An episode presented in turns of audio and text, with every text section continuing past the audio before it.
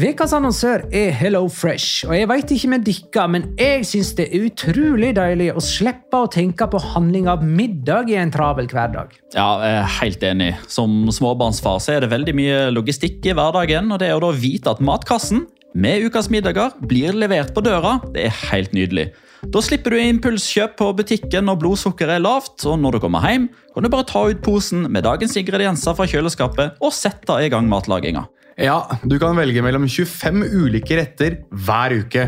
Og de har faktisk en egen kategori som heter Raskt og enkelt, med masse enkle og gode oppskrifter. Veldig greit å ikke måtte ty til takeaway hver gang det er hektisk på jobb. Jeg gleder meg spesielt til sterk chilikylling i min neste kasse. Jeg blir sulten bare av å tenke på det. Ja, Det er ikke feil med bacon og cheeseburger heller, da. Og det som også er bra, er at matkassen koster det samme hver uke, som gjør det enklere å holde matbudsjettet. Ja, og så blir det ikke matsvinn heller, fordi du får akkurat det du trenger til hver eneste rett. Hello Fresh kan absolutt anbefales, og bruker du koden vår, LIGALOCA, kan du få opptil 1779 kroner i rabatt på de fem første matkastene hvis du ikke har prøvd Hello Fresh tidligere. Du kan også prøve koden hvis du har avslutta abonnementet ditt for tolv måneder siden eller mer. Gå inn på hellofresh.no og bruk koden LIGALOCA. Bon appétit! Hallo? Jeg kommer fra Oslo politikammer. Ine Jansen er purk. Er du purk? The motherfucking bitch. Alt jeg vil, er å finne ut hva som skjedde med mannen min. Jon Carew. Er jeg sikta for noe? Iben Akeli. Det er du. Ole So, Lars Berrum og Big Daddy Karsten. Hvem sin side er du på, egentlig? Anette Hoff, Tone Danielsen, Kommer du fra Afrika? Jørnis Josef, Nesten. Kløfta. Trond Espen Seim. Det er synd å si det, men det var feil mann som døde. Purk. Premiere tirsdag på TV2 Play.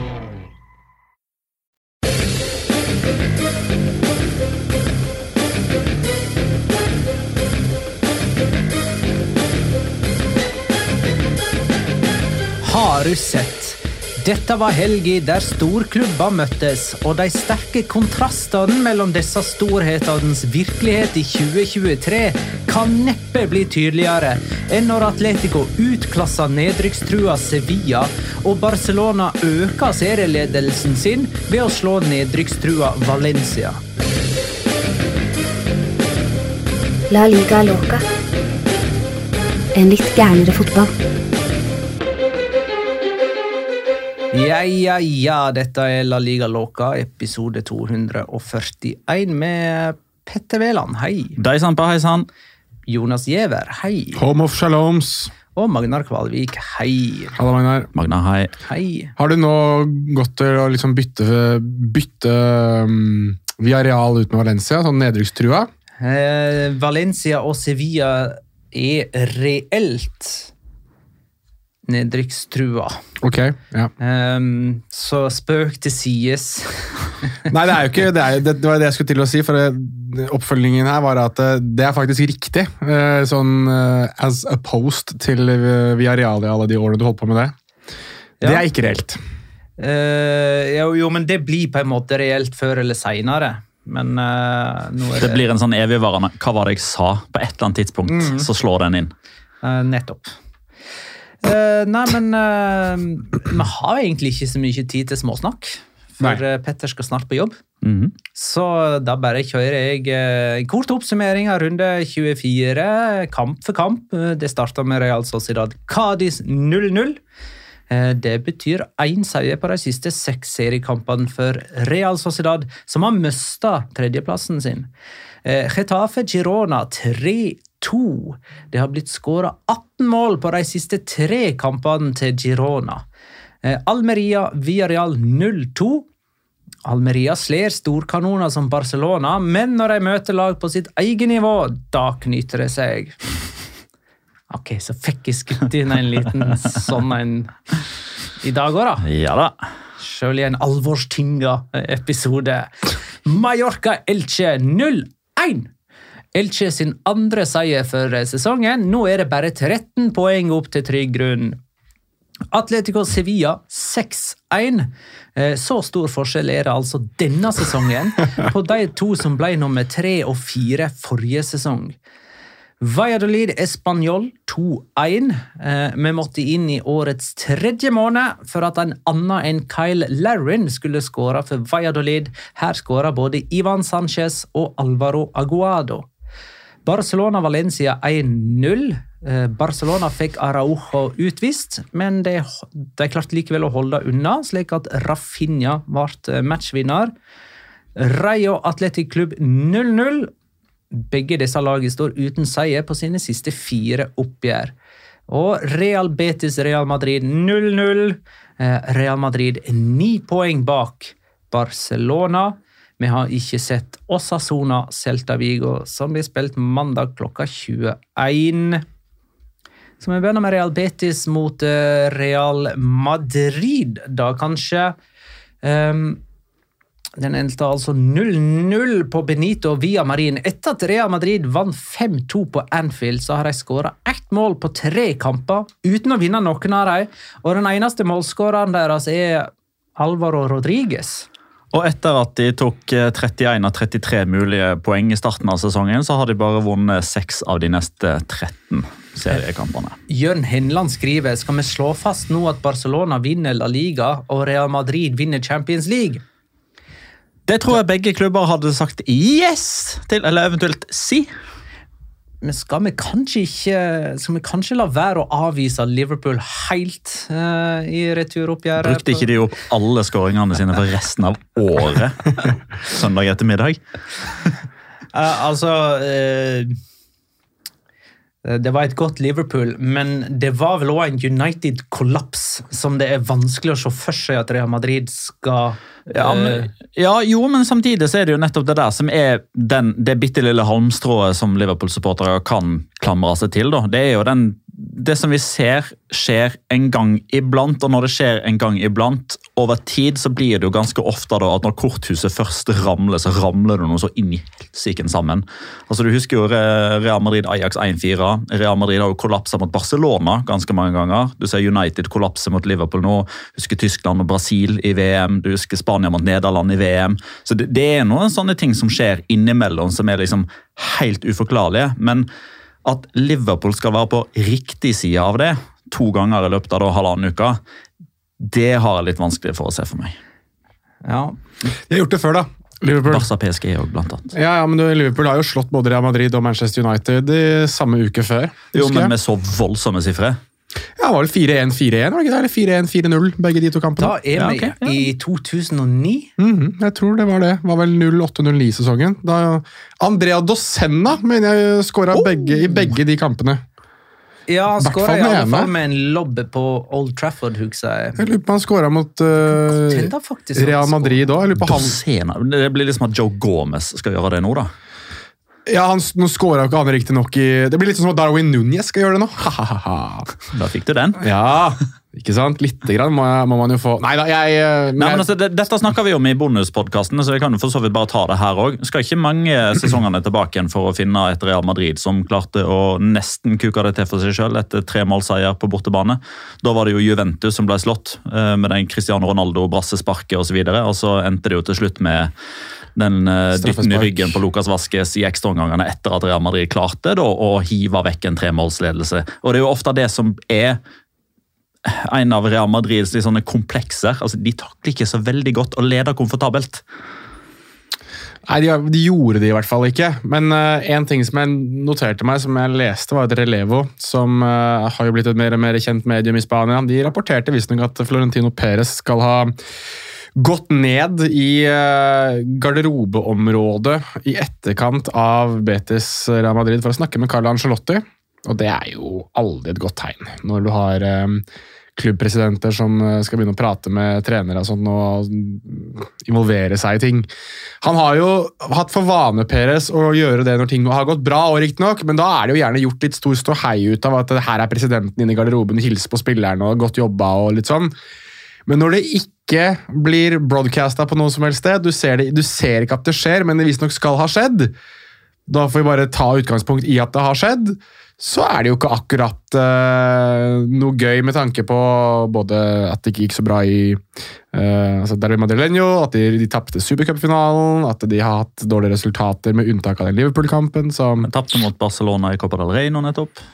Ja, nettopp. Så de har den også, selvfølgelig. Så det, det er liksom det resultatet på Anfield er vel det som holder Nei, jeg vil ikke si at det er det som holder Carl Ancelotti i arbeid, det er det ikke. Men, men det er i hvert fall det som jeg tror gjør at det er vanskelig å skulle sparke han, i hvert fall. da. Virker det som. Eh, Under Manuel Pellegrini så har Real Betis null seire hjemme mot Real Madrid, Barcelona, Atletico og Sevilla til og med. Er det noen grunn til å tro at eh, de skal ta en storskalp når Manchester United kommer på besøk? Det er Det er vel om to uker de kommer på besøk. Nå denne uka Ja, så er det vel på Old Trafford. Ja, om halvannen uke. Nei, det må jo være i så tilfelle litt sånn omvendt Barcelona-variant. Da, At eh, de klarer det fordi det er ikke spansk toppmotstand som kommer, men utenlandsk toppmotstand som ikke har ødelagt selvtilliten deres før de kommer. For det er jo ofte det som er litt av problemet for eh, og det er jo, altså, man, man kan finne sånne helt sinnssyke statistikker på Betis, som du nevner nå. Du har jo Sevilla, som ikke klarer altså de klarer ikke å vinne på Metropolitano, Bernabeu eller Camp Nou om de så spiller med åtte mann mer fra start. Så klarer de det bare ikke. Det samme med Atletic.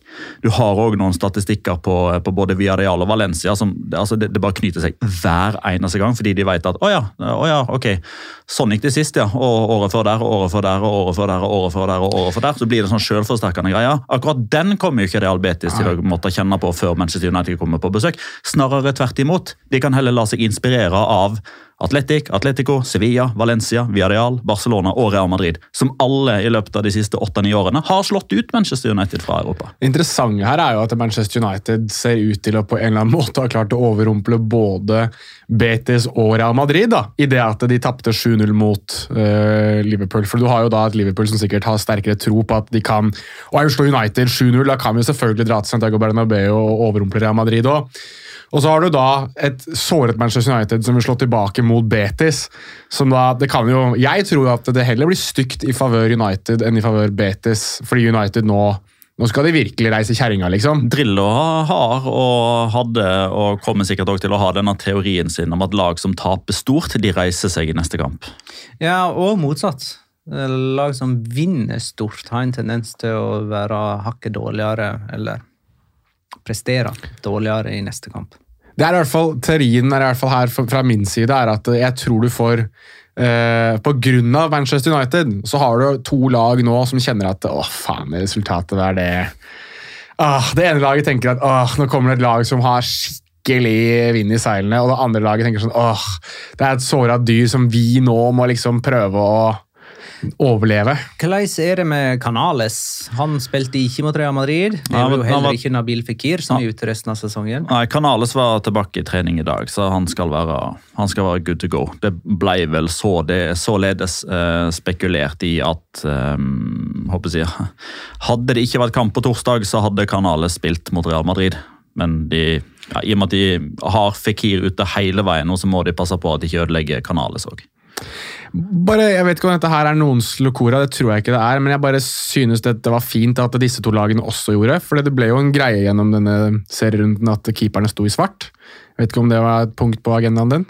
Nei, si gjerne hvorfor de sto i svart. Ja, det er jo José Ángel Iribar, den gamle Atletic-klubblegenden, er vel den med flest kamper for Atletic, kan det stemme? Ja. Uh, han fylte vel 80 år nå, og Atletic la jo ut at de oppfordret eh, klubber til å, at keeperne til de diverse klubbene skulle spille svart, for det var det han gjorde i løpet av sin karriere. Og det var bilde av han som holdt opp en gammel svart drakt som han hadde brukt osv. Og da syns jeg det var fint å se at samtlige klubber i hvert fall hadde foto opp med svart drakt. Det var kun én keeper som ikke spilte i svart. Var det noen som la merke til hvem det var?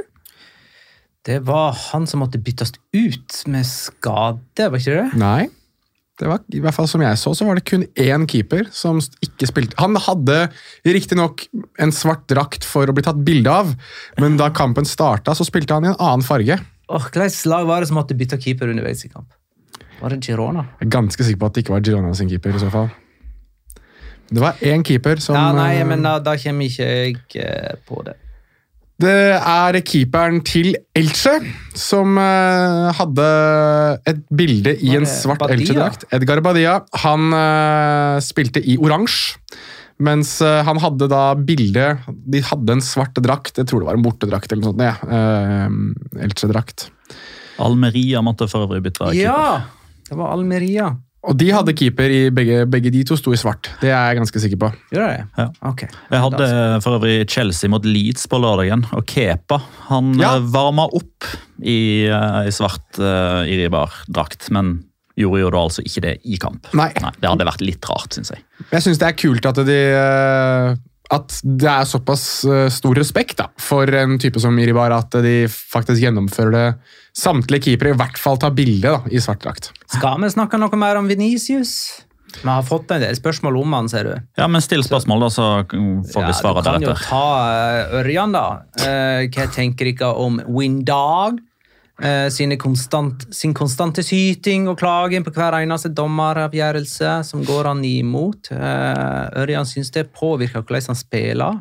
Eh, Han hadde en positiv førsteomgang, helt til klagingen på dommeravgjørelsen begynte.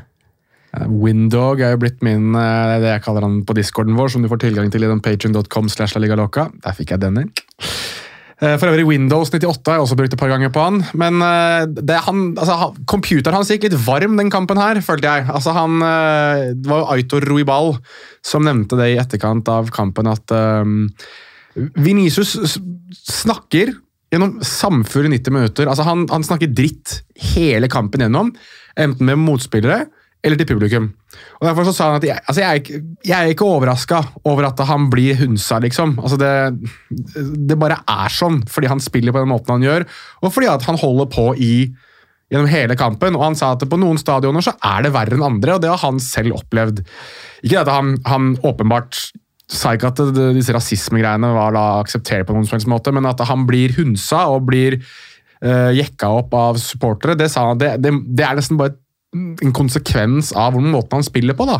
Det som er Problemet for Venicius er jo at han har lagt ved en åpen bruksanvisning uten tilgang til passord. Du trenger ikke passord for å åpne bruksanvisninger for hvordan man skal sette han ut av kampen. Han har bare lagt eh, resepten ut for alle til å blåkopiere. Men han var jo ikke så verst, syns jeg, i denne kampen her, da. Ja, Det er jo det som er, da. Han er jo helt Altså, han er så god. På, når han er på sitt beste, så er det ingen spiller i La Liga som er bedre enn han. Punktum finale. Det mener jeg. Ja, jeg mener at han har det ypperste maksnivået. Ja, ja, men, men Ja, Pedri kan i, der, Nei, ja, i hans posisjon. Ja, ja, ok, men jeg har Venicius over det òg. Jeg, jeg syns han er så ekstrem innimellom på de tingene han gjør. Og Det så man på Anfield, eksempel. Der var det sånn Altså Jesus Christ, liksom. Altså, Hvor god er du egentlig? Ja? Men han bruker mye energi på det der. Er ikke i tvil om det. Han ble takla en gang nede ved dødlinja, og så gikk ballen Mm. ut. Og Så mente han at det var corner, og så gikk han og skjelte ut dommer i lange tid etterpå. Så viste jo repetisjonen at det var ikke corner. Ballen ble må- takla i han og ut. Og han og Claudio Bravo også, på den ene corneren mot slutten der.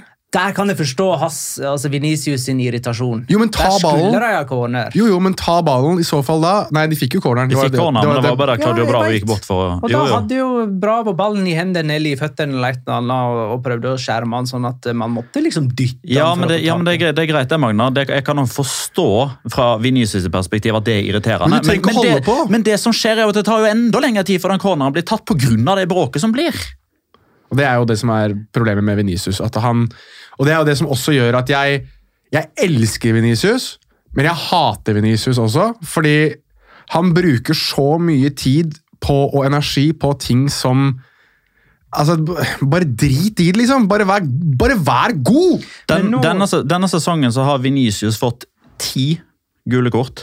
Åtte av de er for protester. Altså, Eller fått ti, det gule i alle eh, turneringer. Da kom det Å ja, i alle ja, turneringer. for Han må ikke suspenderes, nei. Nei.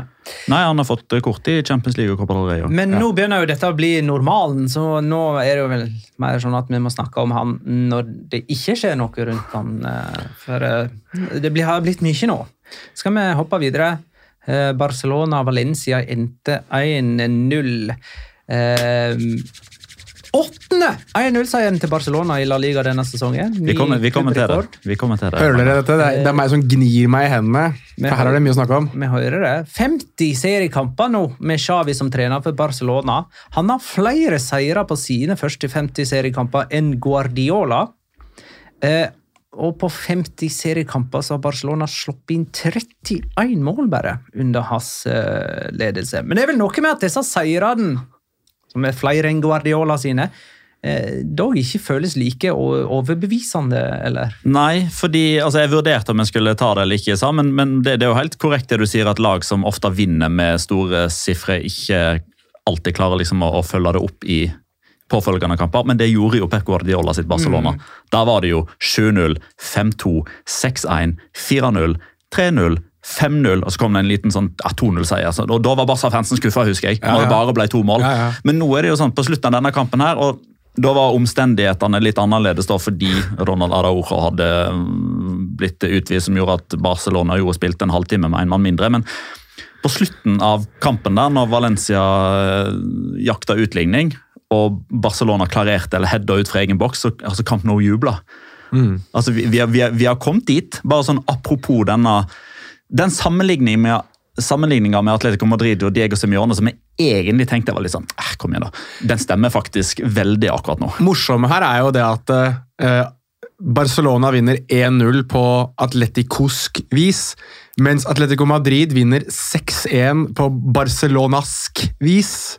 Så de har liksom byttet roller. Simione er blitt Guardiola. Ja, For ei helg der da. eh, Altså, dette er ikke Vi må vanlig. svi, Dette er- vi det er ikke svi normalen. mens hjernen er varmt, Det er, Magnar. ikke, det er ikke normalen på ingen måte. Dette her er, dette her er eh, holdt på å si, eh, omtalemat. Men jeg må bare ta denne. Jeg ifra, er det, ble vi enige om Jonas eller Jones? Jonas. Jones. Jones som eh, påpeker det samme som jeg, da. at Xavi har flere poeng på sine første 50 ligakamper enn Pep Guardiola hadde. Og eh, spørre, da eh, Har vi gjort underverk for et Barcelona i økonomiske problem og generasjonsskifte? Eller har nivået på La Liga blitt verre siden Peps dager? Og jeg mener det siste. Ja, Ja, jeg er enig i det. jeg er enig på én måte. Jeg Eh, mener at dette er det svakeste La Liga-nivået siden før Pep Guardiola. Nei, jeg syns La Liga 15 år. Jeg syns La Liga-nivået har økt uh, de siste to årene. Jeg syns det var på bunn i 2019-2020. Ja, ok.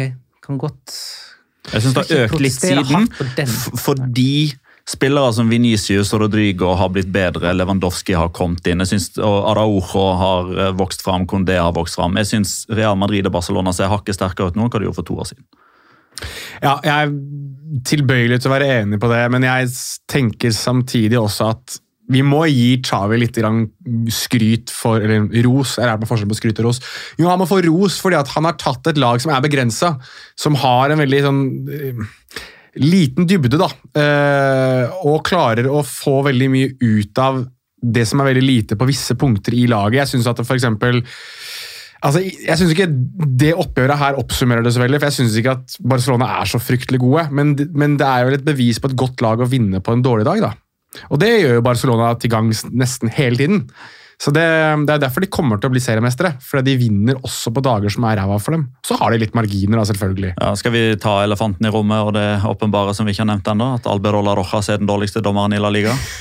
Jeg trodde ikke det var elefanten i rommet, men Jo, det er jeg lurer på om, er eh, en svær elefant. om, om eh, vi toucha innom denne elefanten med spørsmålet til Rune Kristiansen. Eh, Ble ikke bare Valencia snytt for straffe da Frank, Frank Kessi eh, reiv ned Ugo Doro? Var ikke det Nei, han en, reiv ikke ned, og det var vel Fran Peres. Ja. Fram Peres. eh, Det var en felling på Fran Peres. Ja. Kan jeg få ta uh, Super Deporte, lokalavisen i eh, Valencia? Kan jeg få ta eh, jeg kan vi, Først og fremst, dere som sitter her, jeg kan vise den fram først. Den ligger i Ja, discorden. jeg, jeg har sett den. Ja, man- Visuelle effekter ja, jeg vet det, eh, jeg vet det, men jeg skal lese den for de som Robo står det. Ran står det der. Yes, det gjør det. Og overskriften deres er jo da De har jo da tatt fire ulike bilder fra situasjonen der Fram Perez blir felt av Frank Kessi. Overskriften deres er som vi er inne på, Robo, som betyr ran. Og over der så står det Escandalo, som betyr skandale. Estafa, som betyr svindel. Atraco, som betyr eh, ja, hijacking. Eh, kapring. Ja, Kapring, kapring, typ, ja. Okay. Eh, her lærer vi nye ord. Varguenza, som da er eh, Verguenza er jo skam på spansk. Varguenza, det er et ordspill. Ja, det er et ordspill. Eh, og det siste er da Mano Negreira, som er da hånden til Negreira. Så, Som jo òg er et ordspill på Mano Negro. Nettopp. Eh, Mano Negro, for de som ikke vet det, er jo da eh, den sorte hånd. Mano Negra, en Mano Negra i spansk sammenheng er jo da en som gjør mye og kontrollerer ting uten at man blir sett. Eh, som jeg syns er uh, Det oppsummerer i hvert fall hvordan stemningen er i Valencia etter den kampen her. Og så kan jo Petter ta oss gjennom litt av det som skjer. Ja, jeg vil bare ha en rask kommentar på den uh, forsida der. For det er jo, det er jo litt sånn, altså jeg, jeg skjønner hvorfor de gjør det, jeg skjønner for så vidt at de gjør det, men det er litt moro at de bare her kjører de en sånn 100% garanti for at den straffen som de mener at de skulle ha fått, hadde endt med skåring. Ja. Dette er tabloid, eh, for å si det forsiktig. Ja, Og, ja. det, og Dette er da altså et straffespark som skal tas mot den keeperen i La Liga som har de beste statistikkene noensinne i La Liga. Eh, og Det er ingen Cavani på banen. og Det, altså det, det, det, det er et fjerde-femtevalg sånn fra straffemerket som eventuelt skulle ha tatt dette straffesparket. Liten digresjon. Straffesparket skulle de ha hatt. eh, og i, sånn i utgangspunktet i utgangspunktet så syns jeg ikke en sånn type situasjon der det muligens er altså Det er kontakt, og så er spørsmålet soft contact. Er det nok til å bli straffe? I utgangspunktet så mener jeg ikke at VAR skal inn der. Men det som er årsaken til at VAR bør inn i denne Er situasjonen, fordi er at, er at Alberola Rojas peker på corner. Ja, takk. Som jo åp Ja, takk. Det var det jeg skulle si. Ja, ja, bra, bra. Du, er, du er ivrig nå, Jonas. Det liker er jeg. Jævlig også. Det gjør jo at det i mine øyne blir en klar og tydelig feil. Ja. Spesielt når Alberola Rojas i sitt kroppsspråk og i sin utagering er så krystallklar på at han har vurdert denne situasjonen riktig. For det har han ikke. For der er det enten straffespark eller femmeter. For det er jo, altså, eh, Itoralde Gonzales i Cadena Cope, tidligere dommeren som er, dom, som er dommerekspert for dem, sa jo, jo, var jo helt enig med deg i dette. Han, han sa jo at den eneste feil, den eneste feildømmingen her er jo corner. Altså Hadde det vært utspill eller eh, straffespark, så har han i hvert fall indikert at han har sett hva som har skjedd. da. Eh, men det gjør han jo åpenbart ikke. Så her mener han at det er rart at VAR ikke går inn. og i hvert fall, Men det, store spørsmålet her er jo litt sånn Nå vet ikke jeg hvordan disse protokollene er, så du får nesten korrigere meg. Men kan Alberola Rojas si til VAR ja, jeg har sett det, jeg veit at, jeg vet at jeg har rett? Kan han både brushe det vekk også? Eller kan han stoppe, eller må han ut og se på skjermen hvis VAR ber han gjøre det? Det er hoveddommer som dømmer, så hvis han sier at han er 100% sikker, og uansett hva dere forteller meg, så kommer jeg ikke til å snu på det, så kan han per definisjon gjøre det. Men da er han jo så tilfelle gal. Er det ikke en dommer i La Liga som ville Ja, det er funnet på å han gjøre eller det? Matteo Lahos, men det som er greia her er jo at da, da gjør han seg selv en enorm bjørnetjeneste. Ja, ja. fordi dette her er jo, altså Selv om vi aldri får tilgang til disse opptakene, så får jo dommersjefen tilgang til det. og Hvis han hører, hvis det er det som har skjedd, da, at Alberola Roja sier at han er klart og tydelig på, eh, på fot, men han, eh, det er ikke nok til at det skal være straffe, så jeg dømmer corner. Dette har jeg sett, ikke fortell meg noe som helst annet. Da får ikke han dømme neste serierunde, for å si det sånn. Jeg tipper Alberola Rojas har sett denne situasjonen mange ganger i evalueringen, og er fortsatt helt overbevist om at han hadde, han hadde rett. Men jeg, men jeg syns at bare for å Det ble en stor diskusjon om dette her i discorden, og det er veldig oppsummerende for eh, et lag som er veldig i motgang, og et lag som er, gjør det veldig bra. Altså, Du får ikke de situasjonene der i din favør når du er et lag som ligger nede på 19.-plass. Sånn er det bare. Og det, det har ingenting å si om det er La Liga, Eliteserien, Premier League, eh, MLS. Uansett hvor du er hen. Hvis du er et lag i motgang, så du får ikke de Det er bare, det er bare sånn det blir. Altså, Det er ikke noe sånn å, dette er en konspirasjon mot oss. Det er, ikke, det er bare sånn fotballen er. Ehm, og jeg kjenner at, uh, som Petter var inne på, det er, det er femte-sjette valget som skal tas. Altså, det er ikke noen garanti for at det blir mål uansett. Men at eh, Valencia skulle hatt et straffespark, det mener jeg at de burde ha hatt. At ikke Jaime Latre, som er VAR-dommer i den kampen her, hyler og skriker om at du må ut og sjekke, sjekke dette her, syns jeg også er rart. Men sånn er det, og det var vel korona, teknisk direktør i Valencia, sa også at eh, det er rart, vi skjønner det ikke, eh, men vi skal ikke protestere på det. Vi må bare bli bedre. Og det er riktig, til, riktig mm, inngangsmåte til å komme seg videre fra etterpå. Eh, Valencia har fem bortetap på rad uten skåring. Det er en ny klubbrekord. På sine siste åtte offisielle kamper har de én seier og sju tap. Nå ligger de nest sist. Bare Elche er dårligere. Har du sett, uh, har du sett uh, altså deres uh, hva heter det for noe? Terminliste videre. Altså, terminlista til Valencia er forferdelig. Altså, er, de, hver gang de spiller hjemme, så spiller de mot storkanoner. Hver gang de spiller borte, så spiller de mot lag som uh, er bedre enn dem og høyere på tabellen. Da, da, da, de spiller hjemme mot Osasona til helga. Ja, Det er den eneste, tror jeg, som Og så er er det borte mot Atletico. Hjemme mot Rayo. Borte mot Almeria. Jeg vet ikke. ja, men jeg, jeg kan bare sitere en mann som eh, enten er eller har vært en kollega av oss alle tre. Lars Kjernås. Ja. Alle skal møtes hjemme og borte i løpet av en sesong. Jo, jo! Jeg, jeg, Men hør, eh, den 16. april, eh, Valencia-Sevilla. Ja, det er, god, det er god klem, det, og rett ned på begge to. De utgjør nå to av de fire nederste på tabellen. Klink U.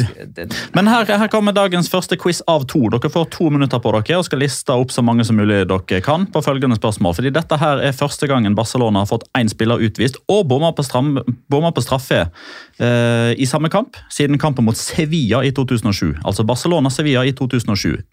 Name-drop så mange i den startoppstillinga. Barcelona og Sevilla i 2007. Er det 06 To minutter. er det 0607 eller 0708? 0607. Ja, skal vi begynne med Sevilla, ha litt struktur? Eh, Skal vi si pall opp i mål? Ein. Uh, Navarro på høyrebekk? Nei. Escodero? 06, Nei. Kanoté kan han ha spilt. Ja. To. og Fabiano. Luis Fabiano. Nei. Ikke i denne Men. Navas! Uh, nei. Dragotinovic. Jo, eh, Navas. Ja. Dragotinovic. Riktig. Da er vi fire. Uh, hvem andre er på midtbanen? her, da? Eh, kan Reyes ha vært her? Nei. Nei. Han er. Men han er Capell. Diego Capel, ja. Uh, nei, ikke i denne kampen. Eh, Perotti. Nei. Jeg tror det er litt for tidlig. ja Perotti kommer nok seinere, tror jeg. Uh, vi, vi, vi skal Christian til- Paulsen. Ja, riktig. Oi. Og så skal vi til Brasil. Tre stykker fra Brasil. eh, Adriano. Ja. eh, Dani Alves. ja. Så er det enda en brasilianer. Og så er det en som blir retweeta av Sevilla fotballklubb sin uh, Twitter-konto stort sett ukentlig per 2023. Julie Baptista, eller noe sånt. Sentral midt. Litt offensivt anlagt. Renato. Ja. Ah. Ok, vi mangler en russer.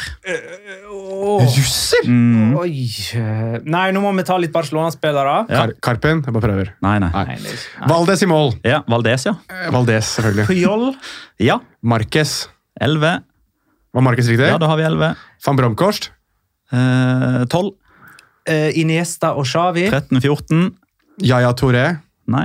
Nei, det var f eh, han uh... Gabriel Milito. Nei. Uh, åh, Ka spilte- Cáceres. Nei. Nei. Gud Johnsen spilte han. Han kom inn. Eller han, han satt på benken. Så, to. Uh, han kom inn. Han kom inn! Ja. Messi. Ja, 15. 06-07. Uh, Er det noen nederlendere her? Må vi tenke Ja, nederlandsk? Eh, den ene nederlandske er tatt. Henrik Larsson. Nei. Ronaldinho. Ja. Han, det var han som bomma på straffe. Ok. Uh, Oleger. Ja. Å, fytti. Det er det 17, Uh, ja, for jeg, måtte, jeg må ha den der er tida ute. Det er sterkt, altså. 17 av 22. Mangler vi? ja. uh, dere mangler Eitor Åsio og David Castedo som stoppere for eh, Sevilla, og Aleksandr Kersjakov. Kersjakov! Ja, russeren. russere. Eh, og så nevnte dere altså da Ronaldinho. Det var han som skåra og bomma på straffe. Sambrotta ble utvist. Jeg skulle si Sambrotta! Faen i helvete! Og Det ble òg Ludovic Julie. Men nå må vi videre. Ludovic Jolie, ja. Ehm, Jens Olav Strand lurer på om Ferran Torres var Valencias beste mot Barcelona. Siden han bomma på straffe. Og uh, stjal han straffen fra Ansu Fati, eller var det Ansu Fati som prøvde å stjele straffen fra Ferran Torres? Der var det kollokviegruppa altså, med flere som hadde lyst til å ta straffe. Jeg tror Frank Kessi ville ha straffen, han også. De var, de var mange som ville øh, skyte straffe, altså. Det var, eh, det var flaut. Vi kan ta denne og kjapt ifra Hussein Abdullahi om Ansu Fati er i ferd med å bli den nye Bojan Kirkic. Ja. Veldig bra! Isak Cuenca, sier jeg da. Atletico, Atletico Jeg tror ikke vi hadde noe Locoras eller runden spiller eller noe fra de to første kampene vi har snakket om, så nå hopper vi til Atletico Sevilla, som altså endte 6-1. Det var ett poeng mellom disse to lagene eh, ved sesongslutt i fjor. Nå er det 20 poeng i favør Atletico eh, Madrid. Eh, 8. januar så tapte Atletico mot eh, Barcelona med Jao Felix fra start. Så reiste han til Chelsea, og siden så har de fem seire og tre uavgjort på åtte seriekamper. Det var en som skrev jo, Mathias Haga. Felix og Cunha har til sammen ett mål og én målgivende på 17 kamper etter å ha forlatt Atletico. Men Simione var vel problemet?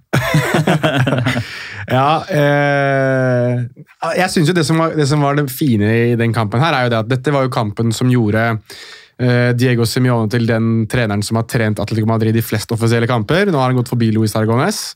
Synes det var veldig fint det øyeblikket før kampen der du hadde Gio Simione og, og Diego sammen, og sønnen til Aragones som uh, overrakte denne drakta, den 613, 613 kamper.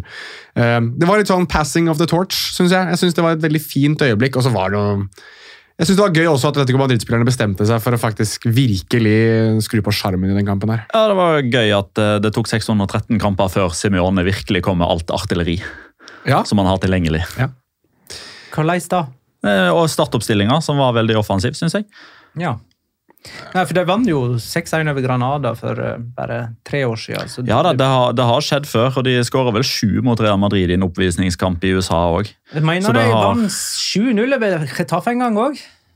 Ja, men kampene mot Retafe teller ikke. Ja. For de vinner Atletico Madrid uansett. Med, blind, med bind for øynene og Nei, I fjor gjorde de ikke det. Nei, i fjor gjorde de ikke det. Nei, De har klart å komme seg ut av den knipa der nå. Men eh, Memphis eh, Jeg bare tar min rundens spillere nå. Ja. Memphis uh, Depay. Eller bare Memphis, som han sjøl liker å bli kalt. Eh, og det er egentlig liksom på grunn av den der, eh, jeg, det, altså jeg har sett den så mange ganger i reprise, og hvor kult det bare er at han bare, han bare står på 18 meter, dunker han opp og rett i I Står i ro når ballen går i mål, så bare ja, opp med hendene og Ja, kjører det der med å holde for begge ører når han scorer, Ja. eh, hva er det for noe? Jeg lurer på ikke det er noe sånn herre Man, keep all the haters out, boy. Yeah! Mm, I'm the G-unit! Nå angrer jeg på at dette ikke er videopodkast. Eh, jeg syns det er helt eh, greit. Vil du ta din rundespiller? Eh, jeg kan ta min rundespiller eh, fra samme kamp, samme lag. Antoine Griezmann med mål og målgivende og generell kommandering. Altså, nå som Atletico har vært gode, så mener jeg er én konstant god, og det er Griezmann. Eh, Alexander Larsen lurer på hvor langt unna han er å være sesongens spiller. Altså, Oi, han, er han, han, han, er, han er nok ikke så langt unna, men samtidig så er vel vi skrudd sammen litt sånn på samme måte som Fifa og Uefa. og litt sånn at Vinner du ikke trofé, så Nei, men hvis, hvis, hvis du skulle satt opp årets lag nå Der er han! Ja. Ja. Nei, jeg, men jeg hadde ikke for et par Altså, før Den formen han har hatt etter VM, har jeg dyttet han inn på det laget for min del. Det er vanskelig å sette han på eh, og liksom eh, kåre han til sesongens spiller eh, når han liksom brukte hele høstsesongen på å spille komme inn eh, etter en time. Ja, Mm. Det er et veldig godt poeng, det også, syns jeg. Men eh, ja, nei, jeg, jeg ville nok ha hatt han på et årets lag nå. Ehm, jeg prøver liksom, for, Men ville han ha vært angrepsspiller, eller ville han, ha- ville han ha vært indreløper? Det er en annen ting òg. Han har liksom Det som er fordelen med Antoine Griezmann. at Vi kan forme sesongens lag akkurat sånn som vi vil, og vi kan bruke han der, og vi kan bruke han der, og vi kan bruke han der. og vi kan bruke Ja, han der. men det, men det er nok altså, hvis, Det er òg en styrke for han. hvis du er inne på, Nå kommer det Jeg oppfordrer for lytterne til å sende forslag til La Liga Loca Awards. sånn rundt, For eksempel sesongens taktiske grep. Antoine Griezmann som indreløper, for eksempel. Eh, der Simione har kopiert Didier Deschamps litt. Grann. Eh, synes i hvert fall at eh, Jeg er i hvert fall imponert over det at Antoine Griezmann har blitt en sånn renessansemann. At han klarer å han, Nesten uansett hva han gjør, så fungerer det så lenge han spiller for Atletico Madrid eller Frankrike. Ikke like mye Barcelona. To mål av Memphis Depay, som ble bytta ut for Alvaro Morata, som skåra òg to mål. Grismann hadde ett, og Jannik Carrasco hadde ett. Pen målgivende av Pablo Barrios. Hvis det var ja, Om det var bevisst eller ei, spiller egentlig ingen rolle. Pent var det jo likevel. Ja. um, Sevilla er på 17. plass, A-poeng med Almeria, som ligger under streken. og De to møtes på Ramón Sánchez Pijuan på søndag. og Sevilla og Valencia er altså nå to av de fire nederste på tabellen. Og Even Ekra spør jeg hvor skadelig er det for merkevara La Liga. Eh, om både Valencia og Sevilla skulle rykke ned. Det kommer jo litt an på hva som skjer liksom, i bakkant, da. Men altså Det er jo et kjempeløft for La Liga Smart Bank.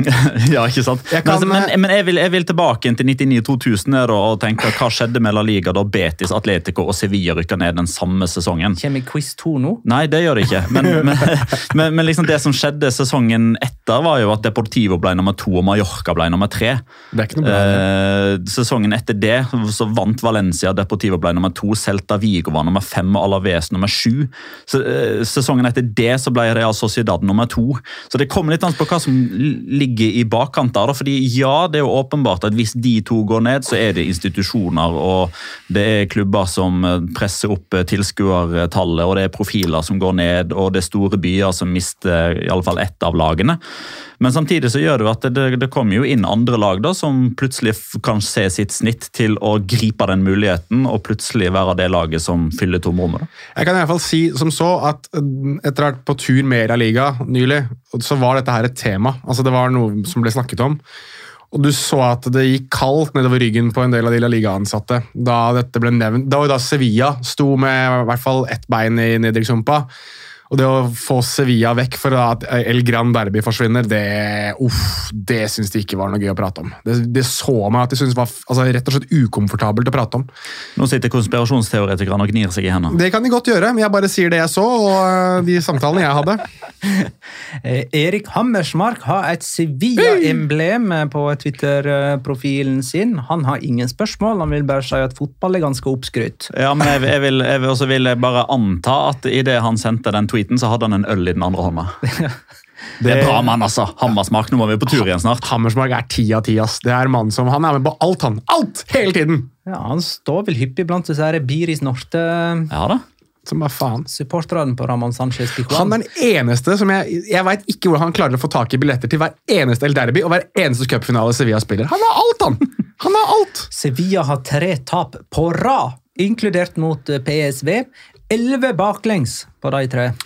Jeg så at det var nevnt eh, Lurer på om ikke det var Fotball i Spania som eh, nevnte at de hadde sett flere rapporter, og jeg stoler jo egentlig på dette her. Eh, at hvis resultatet går mot Sevilla eh, altså At de ikke slår Her er det. Uh, Fenerbahçe på torsdag og Almeria på søndag, begge på hjemmebane. If things go poorly, he could be sacked next week om San Paoli, ifølge flere rapporter. Så um, Og da er det visstnok Er det Marcelino, kanskje? da?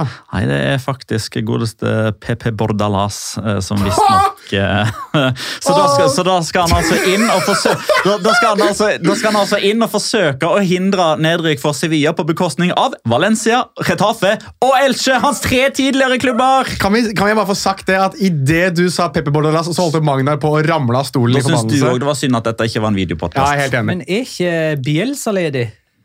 Jo, men, han, men Bielsa trenger jo gjerne eh, ganske lang tid på å bestemme seg for hvilke jobber han skal ta. Det er derfor du endte endt opp med Sampaoli istedenfor. Fordi Bielsa hadde brukt for lang tid, så da må du ta han som er en sånn First Price-utgave av det. Ja, men da er det jo greit å ta Bordalas på bare sånn ut sesongen. For Men altså- han kan faktisk redde det. Ja, det kan han faktisk. Og så er det jo verdt å nevne da, altså, liksom, på sånn målestokk eller et perspektiv, hvor dårlig er Sevilla faktisk? Jo, de er faktisk så dårlige at her fikk selv Matt Doherty debutere på stillinga 5-1. Vet, vet du hvem jeg tror eh, Kan jeg få det komme med en dark horse hvis eh, San får sparken? Joaquin Caparros.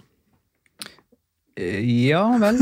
Men han lever fortsatt. Har ikke han måttet levere inn den trenerlisensen sin? Da må ikke du bestå visse tester for å trene i La Liga? Joaquin Caparros. Må få i gang litt entusiasme. Eh, Vi må hoppe videre nå til Real Sociedad mot Cádiz. Det er vel ikke så mye å si om det målløse oppgjøret der. Eh, Real Sociedad møter jo Roma i Roma på eh, torsdag. Er David Silva klar da? Han kom jo inn nå. Så skal vi tro på lysere tider for eh, Real Sociedad? Ja, nå slo jo Roma slo jo Juventus der helga, så de kom jo med en med ja, eh, jeg, jeg tenker meg på at David Silva kan gi- gjøre lysere tider utover haus, eh, våren ja. generelt. Akkurat det Roma-møtet tror jeg blir tøft, ja. Mm. Ja, mulig. Nei, jeg tenker jo at Altså, bare Statistikken tilsier jo at eh, Silva gjør vei i vellinga for eh, Real Sociedad, men eh, ja. ja. Matheo Laos stjal showet her, eller? Er ikke det bare Velg hvilken kamp han dømmer, og ta den setninga der, og det er riktig uansett, liksom. Nok, nok sagt. Ja, men altså, kan vi, altså jeg, må, jeg må bare få ha det loggført. Altså, det er altså en situasjon der Farlig ligger nede med hodeskade eller nakkeskade, og man er liksom bekymra på hans vegne. Han blir båret ut med nakkekrage. og dette, dette, det er altså, Han er, ligger nede så lenge at tilleggstida er 11 minutter. Det er det man tør å slike til. Og når da Farlig har blitt båret av banen, og alle står klare ja, La oss nå omsider få i gang denne kampen igjen. da. Da skal Matheo la oss ha kollekviegruppa med trenerne og si et eller annet. Som han da kunne ha brukt eh, kanskje noen av disse forrige elleve minuttene på å si. Det er blitt litt sånn eh, vanesak nå i Kadis-kamper at folk filmes enten det blir båret av banen eller opp tribunen. Eh, Jeg kjenner at jeg syns ikke det er en sånn morsom tradisjon som har begynt å bre seg ut der. Hvordan går det med Fali? Jeg var på vei inn for å sjekke det nå. Jeg har ikke lest noe om det, så jeg regner med at det gikk bra. Jeg åpna marka.com her nå og ser at Neymar er ute resten av sesongen. Eh, Så det går ikke så bra med han. Ja, han skal i bursdagsselskap. Eh, Farlig da el susto. Altså, det var bare en smell. Altså, Han slapp med skrekken, liksom. Okay. Kadis starta sesongen med å tape sine første fem kamper.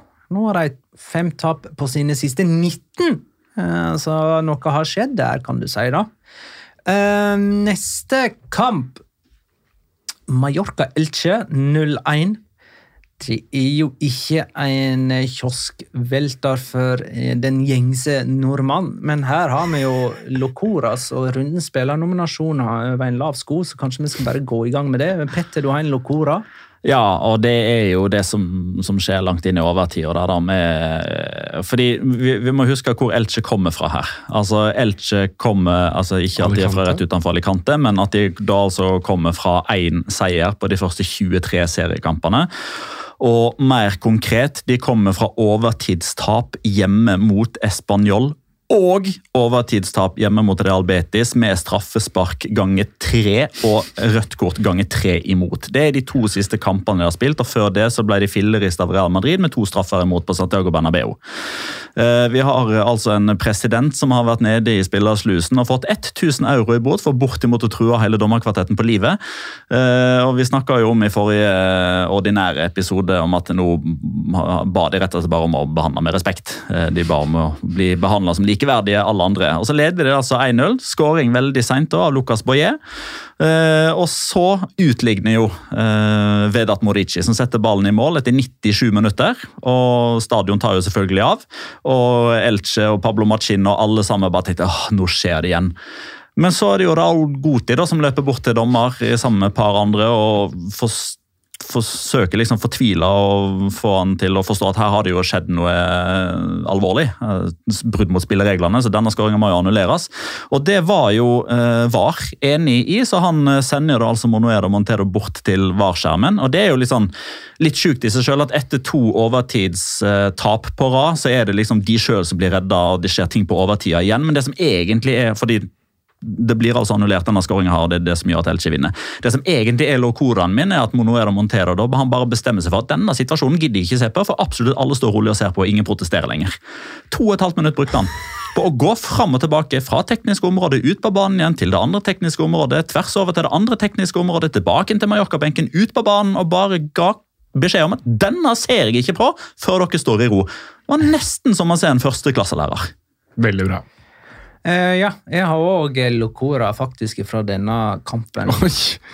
Tenk at eh, to Dere har hatt samme, Locora og Runden spiller i samme kamp, begge to. Det tror jeg er en Locora i seg ja, selv. Nei, det er jo litt moro, da. Eh, I dette årtusenet, altså siden år 2000, eh, så har Mallorca møtt bunnlag 34 ganger. Og de har tapt 20 av dem og bare vunnet 5. Og nå kom altså Mallorca fra fem strake heimeseire, inkludert mot Atletico Madrid og Real Madrid, og så møtte de bunnlaget og tapte. Jeg mener at vi hadde en litt sånn oppgitt latter for en uke siden når vi konkluderte med at neste motstander for Mallorca hjemme var Elche. Ja, Vi var jo sikre på den sjette strake seieren. Jeg var ikke klar over denne statistikken før nå. Eller ja, før etter at de hadde tapt den, da. Denne kampen. Og så tar vi òg Jonas sin runden spiller fra dette oppgjøret, faktisk. Ja, eller han er i hvert fall tilknyttet en av klubbene her, da. Uh, og det er Pelayo Novo, som uh, ja, i uh, Det er en utrolig trist historie, hele Pelayo Novo-saken. Altså, han gikk jo bort nå i en alder av eh, 32 etter eh, å ha blitt truffet av eh, et tog. Eh, Pelayo Novo er jo da denne spilleren som for noen år siden falt fra tredje eller, tredje eller fjerde etasje. Han var Tredje etasje på tredje et etasje hotell.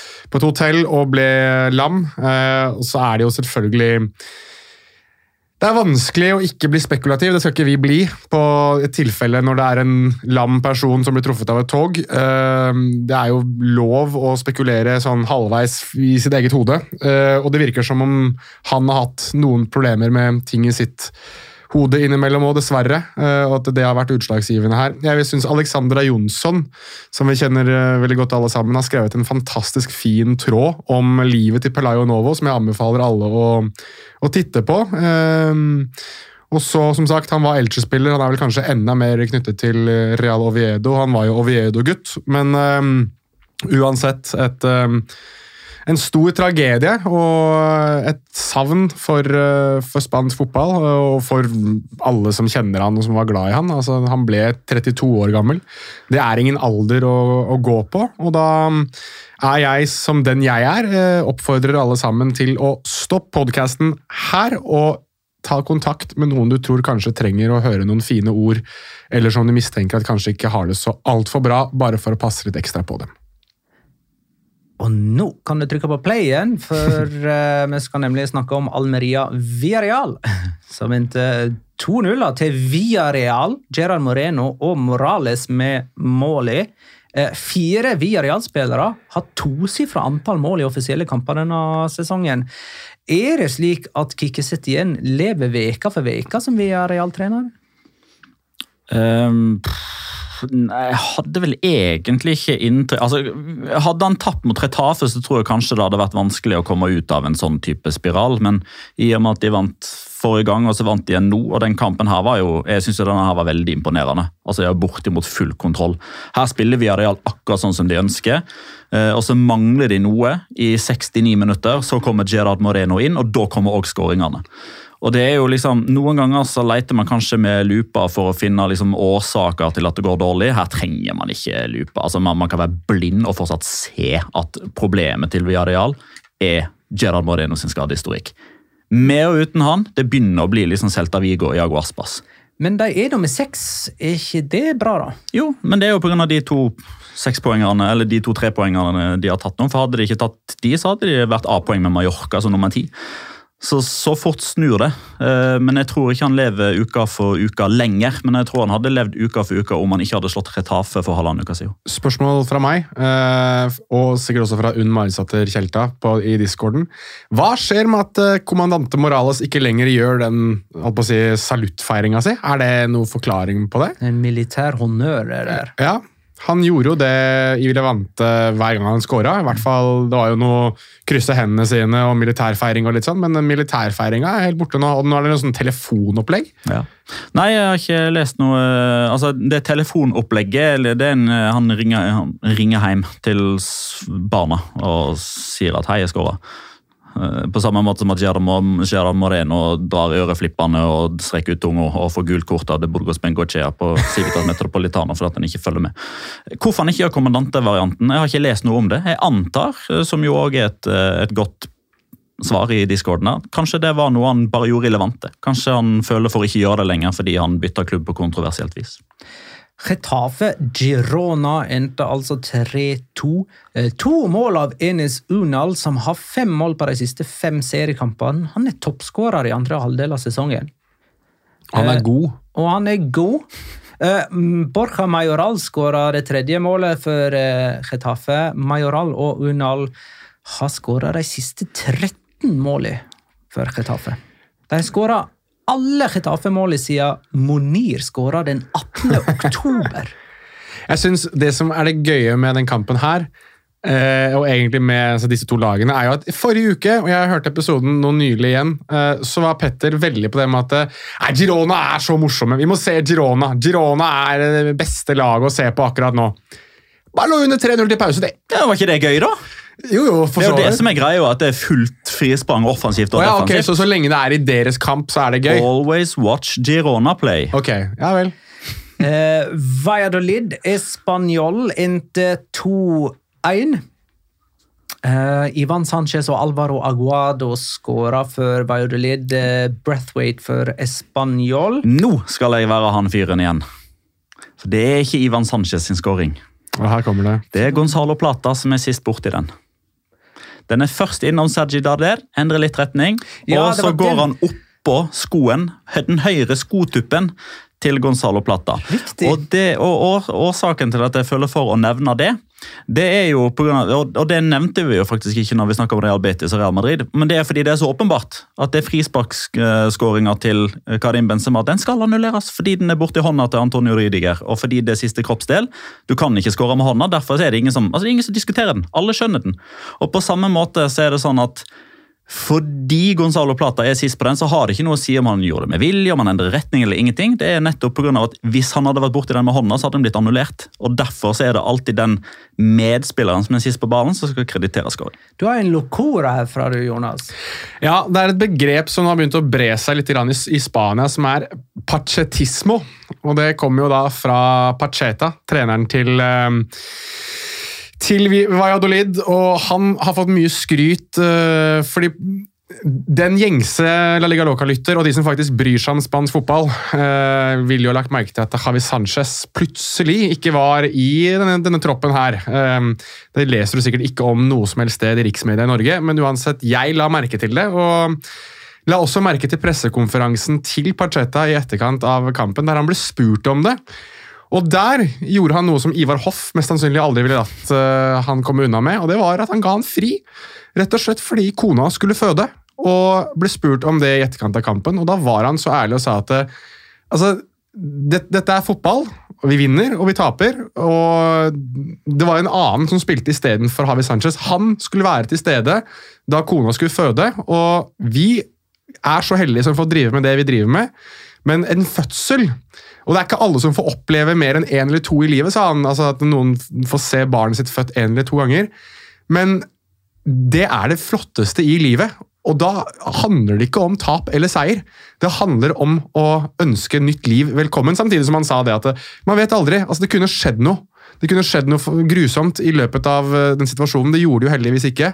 Men det var viktigere for han å være til stede da hans eh, barn skulle fødes, mer enn å spille en fotballkamp. Og det synes jeg er forfriskende. Eh, Español har sluppet inn det første målet i 17 av 24 seriekamper. Det er flest av alle. De har klart eh, uavgjort i åtte av dem. Lei uvane. Mm. Eh, Rayo Vallecano Athletic Club endte 0-0. Eh, ikke veldig mye å si om den kampen, eller? Et spørsmål kan jo være. Uh, å blir vanskelig å tro på Europacup for Rayo Vallecano nå. Dritgode første, første del av sesongen, og så faller det litt sammen i andre. Jeg mener jeg har sett det før, og jeg mener jeg har hørt det før. Mens Atletic, Klubb skal ende på tiendeplass, så de er liksom to plasser over skjema. Ja, men uh, vi veit hvor hen det bærer. Jo da. Uh, hvor mange mål har Raúl de Tomas skåra? Null. Det er riktig. Han var nærmere denne gangen, men uh, Julen Agresabala han er en venn av podkasten, og han holdt uh, buret reint. Eh, er det nå du skal ta den andre quizen, eller? Eh, du, Det var egentlig på Atletico Madrid-segmentet i stad, men det, det forsvant. Men vi, vi tar det kjapt, men nå får dere bare ett minutt på dere. Eh, fordi eh, må bare finne den eh, tweeten igjen. Det er Pedrito Numeros eh, som hadde den, så det kan hende at du har lest gjennom den før eh, vi gikk på, eh, Magnar. Eh, de ti mest skårende spillerne for Atletico Madrid under Diego Simione. Kjør! Ja, Det er Grismann. Ja. Eh, Flest av alle. Dio Costa. Ja. Morata. Nei. Falcao. Ja. Han er nummer fire. Er vi tre nå, da? Ja. Grismann 1, Diego Costa 2, Falcao 4. David Villa? Nei. Luis Suárez. Tydeligvis telefon. Siri? Siri. Det er ikke lov å bruke Siri. Nei, den, den aktiveres jo tydeligvis av gira på Luis Suárez. Eh, Nei, Luis Suárez er feil. Eh, eh, Saul. Ja, han er nummer seks. Kokke. Han er nummer fem. Uh, uh, ikke Mandzukic. Har vi sagt Diego Costa? Ja, vi har det. Okay. Diego Forlan? Nei, han Nei. er ikke der da, han. Kan Aguero ha vært der? Nei. Nei. Uh, nå sitter folk og hyler og skriker. Arda Toran! Nei. Men for faen, da! Eh, Uh, Raúl Garcia. Ja, han er delt uh, ti, niende. Raúl Garcia. Den er sterk å dra opp. Kan, eh, altså, kan Diego Godin ha lurt seg inn der, da? Nei. Nei, Han kan ikke det, ikke sant? Gabi. Nei. Nei, det er jo et godt gjett, syns jeg, da. Janni Carrasco! Ja, han er nummer åtte, sju. Nummer sju. Angel Correa. Han er nummer tre. Er han nummer tre?! Mm, 64. da. Mange mangler vi da? To. Mangler åttende og delt niende, sammen med Raúl Garcia. Er vi, skal vi litt tilbake i tid, eller er det noen nyere her? Eh, Begge deler. Én av hver. Joao Felix. Ja, han er delt niende. Er det en som er litt uh, Nå vet jeg i alle fall om én lytter som sitter og roper og roper og roper og roper på. Kan det være Torres? Ja, Fernando Torres. Ole Aasheim. Det er helt riktig. Det er Fernando Torres. Men jeg har lyst til å ta denne her eh, fra sjakkeladen. Eh, hva syns dere om starten til Havi Gracia og Julian Lopetegi i Premier League? Ja, Petter. Lopetegi bra, Gracia ikke så bra. Ja. Er Veldig kort forklart. Emeri enda bedre. Ruben Seyes ikke så bra. Guardiola Arteta. Men hva okay. med litt streng med Havi Gracia og hans Watford-karriere ja, ja, altså Både ja og nei. Altså, jeg, jeg, jeg, jeg sa jo ikke den hele og fulle sannheten. Altså, han fikk jo Jeg glemte å si at det var etter altså, I den siste sesongen så Ja. fikk han sparken etter ett poeng på de fire første kampene. Men han tok de jo opp, og han, Han eh, beholdt plassen i første og gikk til FA-cupfinalen osv. Han er en begrenset trener. Kan vi ikke bare Det, det, det er i alle fall jeg lander på. Hadde ikke tro på at Leeds holder seg med han. Nei, altså. i så tilfelle så syns jeg det er fordi det er tre enda dårligere lag, i så fall. Med all respekt. Ehm, Ja, jeg, hadde, jeg hadde de på lørdag mot eh, Chelsea. De skaper jo absolutt ingenting før det blir desperat pumping på slutten. jeg så jeg den og sovna. Ja. Men det, det har mer med meg å gjøre. Og, Nei, nei, det har faktisk noe med Havet Gravs å gjøre. Jeg For trodde, det jeg, jeg, trodde det hadde med kommenter, kommentatoren å gjøre. det gjorde jeg under Ja, det kan godt være. Jeg, jeg, jeg sovna Jeg mener i hvert fall jeg sovna under én kamp øh, da han trente Valencia. Men hadde jeg en tendens til å sovne mye under Valencia-kamper, for jeg var drittlei etter hvert. Men eh, vi skal tippe. Eh, og Forrige kamp vi tippa på, var Real Betis Real Madrid, som endte 0-0. Jeg hadde 1-2 med Rodrigo som første målskårer. Det gir null poeng, selvfølgelig. Petter hadde 2-2 med Canales, det er ett poeng. Og Jonas hadde 1-1 med Borja Iglesias, det er ett poeng. Til sammen har jeg 24, Petter 20 og Jonas 13. Neste kamp er Setien Pellegrini-derbyet. Villarreal Real Betis. For et merkelig oppgjør med to trenere man forbinder med den andre klubben. Det er søndag klokka 18.30. Det er Villarreal eh, som har heimebane. Jeg sier 2-1 og Borja Iglesias. 2-1 Gerard Moreno. Fuck dere begge to, da. Eh, det er 2-1 her òg, og det er kun fordi jeg må bare bli med dere på det. Uh, Hvem skal være første her, da? Eh, Dani Parejo, spiller han? Eller Han spiller, han spiller alltid, han. Skårer sjelden, skal det sies. Ja, ok, fuck han, da. Eh, Morales. Altså, ja. Yep. Veldig bra tips, Jonas. Nei, det er sugende, ass! Takk for at du lytta, kjære lytter. Ha det, da.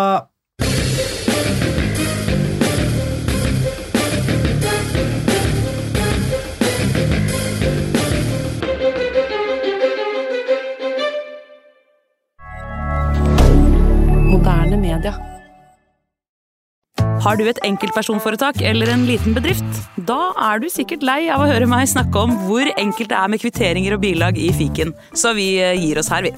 Fordi vi liker enkelt. Fiken superenkelt regnskap.